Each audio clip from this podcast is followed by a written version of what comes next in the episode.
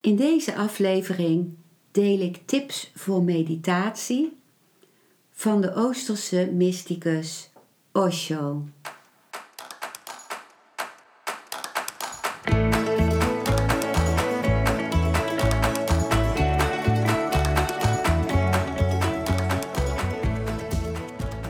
Welkom bij een nieuwe aflevering van Modita's podcast Van Pijn naar Zijn. De podcast waarin ik je meeneem voorbij de pijn in je leven naar wie je diep van binnen bent. Hoe kun je beter omgaan met je gevoelens? Hoe vind je rust in je hoofd? Wat zit er precies achter je pijn? En vooral, hoe kun je steeds meer jezelf zijn? Adem eens diep in en uit. Ik wens je veel luisterplezier.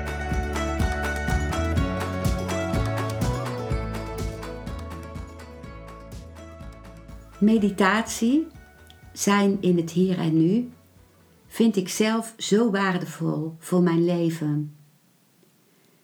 Meditatie brengt me bij wie ik in wezen ben en verbindt me met de rijkdom van het hier en nu.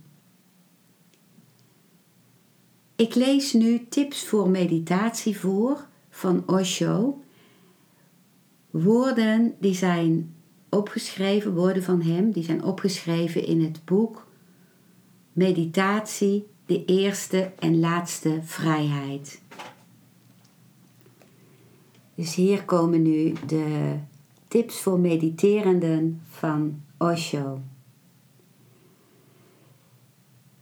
Het eerste hoofdstukje van dit hoofdstuk gaat over de voorbereiding, ruimte, de plek, houding en gemak. Wanneer je probeert te mediteren, doe dan je telefoon uit. Zorg dat je niet bereikbaar bent. Doe een briefje op je deur dat je een uur niet gestoord wilt worden, dat je aan het mediteren bent. Als je de meditatieruimte binnengaat, doe dan je schoenen uit, want je loopt op heilige grond. Doe niet alleen je schoenen uit, maar laat alles los waar je mee bezig was. Laat alles heel bewust bij je schoenen achter. Ga leeg naar binnen. Zoek een plek waar de, waar de natuur nog niet verstoord en vervuild is. Als je niet zo'n plek kunt vinden, doe dan je deur dicht en ga in je eigen kamer zitten. Zorg zo mogelijk voor een aparte meditatieruimte in je huis. Een klein hoekje is al voldoende maar reserveer dat dan speciaal voor meditatie. Waarom speciaal voor meditatie? Omdat elke activiteit zijn eigen vibratie creëert. Als je op die plek alleen mediteert, wordt die plaats meditatief. Elke dag dat je mediteert, absorbeert die plek je atmosfeer. Als je de volgende dag terugkomt, is die atmosfeer weer om je heen. Die helpt je, antwoordt je, staat in wisselwerking met jou.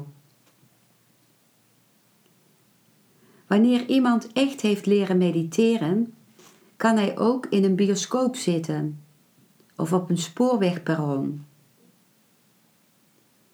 Vijftien jaar lang heb ik het land doorkruist. Was ik voortdurend onderweg, dag in, dag uit, jaar in, jaar uit. Ik zat altijd in de trein, in het vliegtuig of in een auto. Het maakt niet uit. Als je eenmaal in je wezen bent geworteld, maakt het geen enkel verschil meer waar je bent. Maar dat geldt niet voor de beginner. Ga zo zitten dat je je lichaam kunt vergeten. Wat is gemakkelijk zitten? Als je niet aan je lichaam denkt, zit je gemakkelijk. Als je voortdurend aan je lichaam herinnerd wordt, zit je ongemakkelijk. Het gaat er niet om of je in een stoel of op de grond zit. Zorg dat je gemakkelijk zit. Want als je lichaam je hindert, kun je geen ervaringen op diepere niveaus verwachten. Als je op het eerste niveau gespannen bent, blijven alle andere lagen afgesloten. Als je werkelijk gelukkig en extatisch wilt zijn, begin dan bij het begin.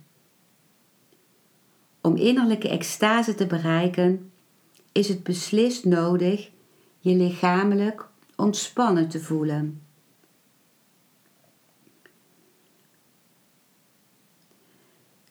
De het tweede subhoofdstukje gaat over beweging en schoonmaak. Ik raad iemand nooit aan met meditaties te beginnen waarbij je alleen maar zit. Begin op een simpele manier. Anders ga je onnodig allerlei dingen voelen die er niet zijn.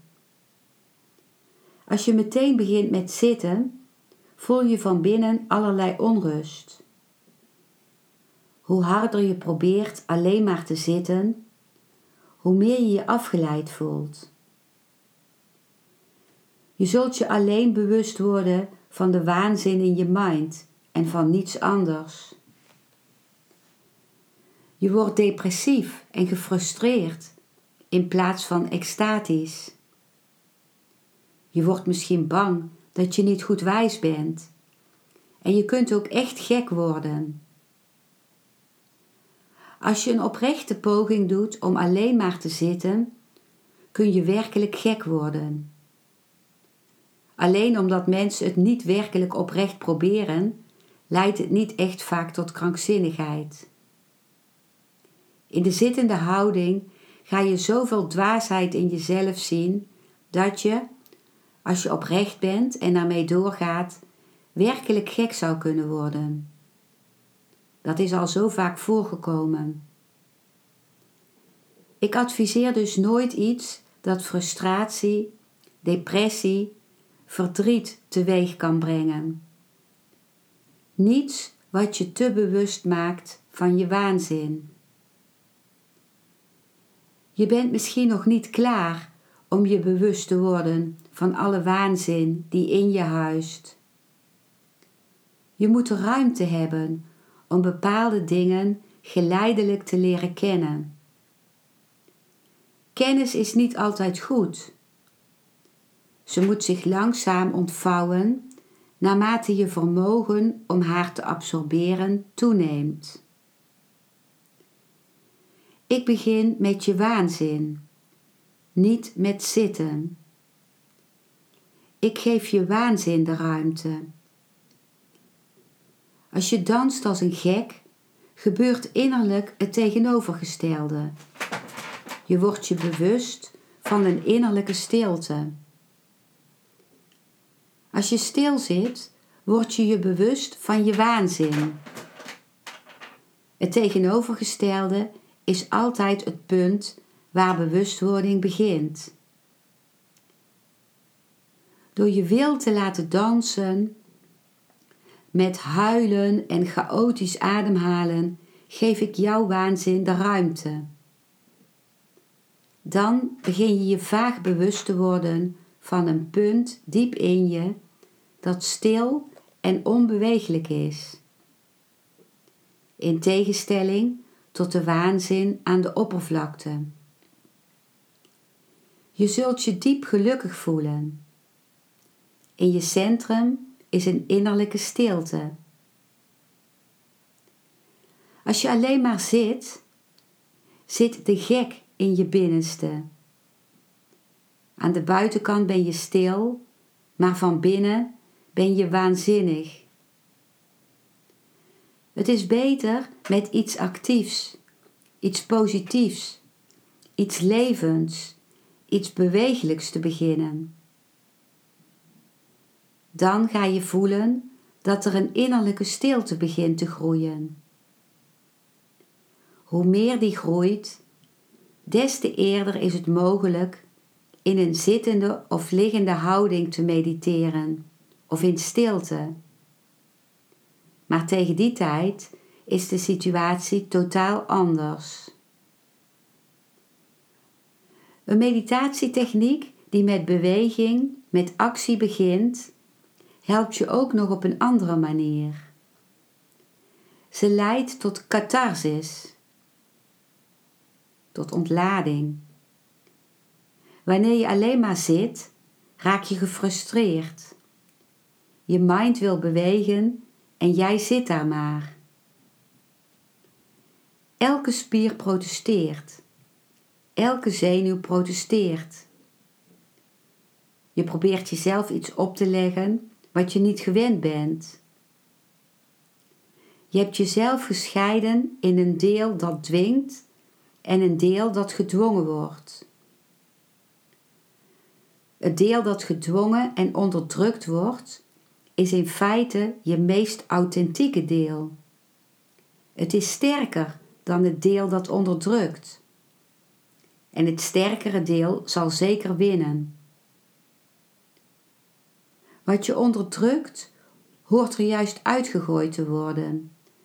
Het heeft zich in je opgehoopt doordat je het voortdurend onderdrukt hebt. De manier waarop je opgroeit, de cultuur, de opvoeding, is onderdrukkend.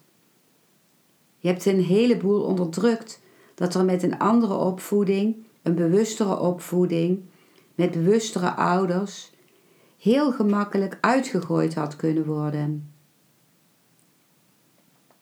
Als de maatschappij zich bewuster was geweest van de mechanische werking van de mind, zou je er veel meer uit hebben mogen gooien. Wanneer een kind bijvoorbeeld kwaad is, zeggen we: Je mag niet boos zijn. En het begint zijn boosheid te onderdrukken. Langzamerhand wordt een gebeurtenis van één moment iets blijvends. Nu doet hij niet meer boos, maar de boosheid blijft. We hebben zoveel boosheid verzameld uit al die kortstondige momenten. Niemand kan voortdurend boos zijn, tenzij de boosheid onderdrukt is. Boosheid is iets van voorbijgaande aard. Iets dat komt en gaat. Als het geuit is, ben je niet meer boos. Ik zou het kind dus toestaan echt kwaad te zijn. Wees kwaad, maar wees het dan ook helemaal. Onderdruk het niet. Natuurlijk levert dat problemen op. Als we zeggen wees kwaad, word je boos op iemand. Maar een kind kun je nog vormen. Je kunt het een kussen geven en zeggen: Wees maar boos op het kussen. Sla op een kussen. Vanaf het allereerste begin kan een kind zodanig opgevoed worden dat zijn boosheid een andere richting krijgt. Je kunt hem een voorwerp geven waarmee hij kan blijven gooien tot zijn boosheid over is. Binnen enkele minuten, enkele seconden is zijn boosheid verdwenen en hoopt hij zich dus niet op. Boosheid, seks, geweld, hebzucht, alles heb je opgekropt. Dat opkroppen maakt je gek. Het zit daar binnen in je. Als je begint met een censurerende meditatie, bijvoorbeeld met alleen maar zitten, onderdruk je het allemaal en laat je het niet naar boven komen. Daarom begin ik met catharsis, met ontlading. Eerst moet dat wat verdrongen is eruit gegooid worden. En wanneer je je boosheid eruit kunt gooien ben je volwassen geworden. Het volgende subhoofdstukje, uh, subhoofdstuk gaat over drie belangrijke punten. Iedere meditatie, welke methode je ook gebruikt, heeft een aantal essentiële kenmerken. Die kenmerken vormen een essentieel onderdeel van elke methode. Het eerste kenmerk is ontspanning. Niet vechten met de mind. Niet je mind je wil opleggen. Geen concentratie. Het tweede is met ontspannen aandacht te kijken naar wat er gebeurt, zonder in te grijpen. Alleen maar stil, zonder enige veroordeling of waardeoordeel, je mind waarnemen. Om deze drie zaken gaat het: ontspanning, observeren en geen oordeel hebben. En geleidelijk daalt er een grote stilte op je neer. Alle beweging in je komt tot stilstand. Je bent er, maar er is geen besef van ik ben, alleen maar pure ruimte. Er zijn 112 meditatietechnieken. Ik heb over al die methoden gesproken. Ze verschillen van opbouw, maar de basis blijft hetzelfde: ontspanning, oplettendheid en niet oordelen.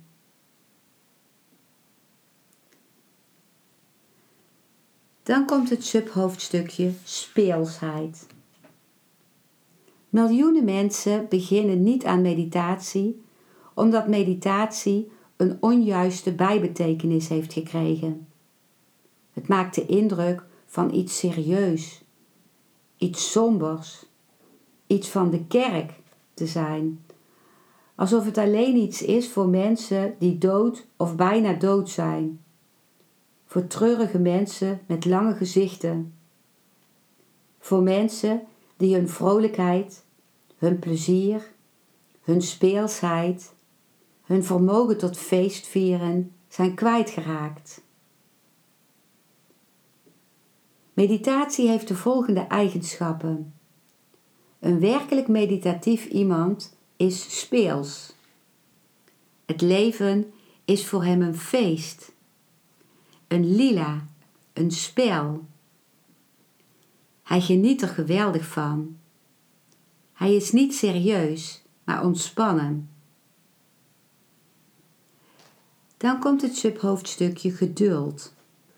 En als in dit subhoofdstukje het woord dorst wordt genoemd, dan bedoelt Osho daarmee dorst naar de waarheid. Haast je niet. Te vaak veroorzaakt haast juist uitstel. Als je dorst hebt, wacht dan geduldig. Hoe intenser je wacht, des te eerder het komt. Je hebt het zaad gezaaid. Ga nu in de schaduw zitten en kijk wat er gebeurt. Het zaad zal openbarsten en tot bloei komen. Maar je kunt het proces niet versnellen. Alles heeft immers tijd nodig. Je moet werken, maar laat het resultaat over aan het bestaan. In het leven wordt nooit iets verspeeld. Vooral niet de stappen die gezet zijn in de richting van waarheid. Soms ben je ongeduldig. Dorst gaat gepaard met ongeduld. Maar dat is een obstakel. Blijf dorstig, maar zet je ongeduld opzij. Verwar ongeduld niet met dorst. Dorst gaat vergezeld van een smachtend verlangen, maar niet van strijd. Bij ongeduld is er strijd, maar geen smachten. Verlangen kan wachten en eist niet. Ongeduld eist zonder te kunnen wachten. Bij dorst zijn er stille tranen. Bij ongeduld is er een rusteloze strijd. Op waarheid kun je geen jacht maken. Ze wordt verkregen door overgave, niet door strijd. Ze wordt veroverd door totale overgave. Het volgende subhoofdstukje gaat over Wees niet doelgericht. Meditatie is geen serieuze zaak. Het is een lied, een dans, een viering. Beschouw meditatie niet als religieus. Vat het speels op. Het als religieus te beschouwen betekent de hele bedoeling mis te lopen. Het is wel religie, maar vat het niet op als religieus. Het moet als plezier beschouwd worden. Precies zoals kinderen zandkastelen bouwen, zonder een bepaald doel voor ogen. Enkel genietend van de pure activiteit als zodanig. Meditatie is geen middel tot enig doel, maar doel op zichzelf. Houd ervan, geniet ervan en vraag niet om enig resultaat. Resultaten komen wel, maar vraag er niet om en dan komen ze eerder.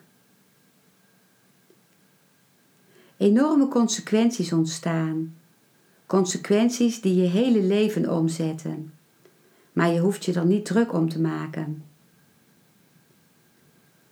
Meditatie moet niet met enig motief verricht worden. In het leven moeten er een paar dingen zijn die je doet zonder enig motief. Tenzij je leven enkel en alleen een marktgebeuren is en dan is alles een handelsartikel. Meditatie is niet een product. Kijk bij meditatie niet naar resultaten. Dat is een belemmering. Streef er niet naar een meditatieve ervaring te herhalen, want ook dit is een hindernis. Wanneer je mediteert, mediteer dan alleen maar. De rest gebeurt dan vanzelf. En het laatste subhoofdstukje heeft als titel Geniet. Als je bewust bent, geniet er dan van. En als je niet bewust bent, geniet daar dan ook van. Niets is verkeerd, omdat je onbewuste staat een soort pauze is. Anders zou bewustzijn te vermoeiend worden. Als je 24 uur per dag wakker bent, hoe denk je dan in leven te kunnen blijven? Een mens kan drie maanden zonder voedsel leven. Maar zonder slaap wordt hij binnen drie weken gek en zal hij, zal hij proberen zelfmoord te plegen. Overdag ben je alert. S'nachts kun je ontspannen. Die ontspanning helpt je om overdag weer verkwikt en alert te zijn. De energie heeft een rustperiode doorgemaakt, zodat hij ochtends weer opnieuw tot leven kan komen. Hetzelfde gebeurt in meditatie. Het ene moment ben je totaal bewust, op het toppunt, het volgende moment ben je in het dal, in rust. Het bewustzijn is verdwenen. Je bent het vergeten. Maar wat is daar verkeerd aan? Het is heel eenvoudig. Het bewustzijn gaat door een periode van onbewustzijn heen en komt weer verfrist en jong tevoorschijn. En dat herhaalt zich steeds. Als je van beide kunt genieten, kun je de derde worden. En daar gaat het om. Als je van beide kunt genieten, betekent dit dat je geen van beide bent. Bewustzijn, nog niet bewustzijn. Je bent degene die van allebei geniet. Er komt dan iets tevoorschijn dat daar bovenuit gaat. In feite is dat de werkelijke getuige.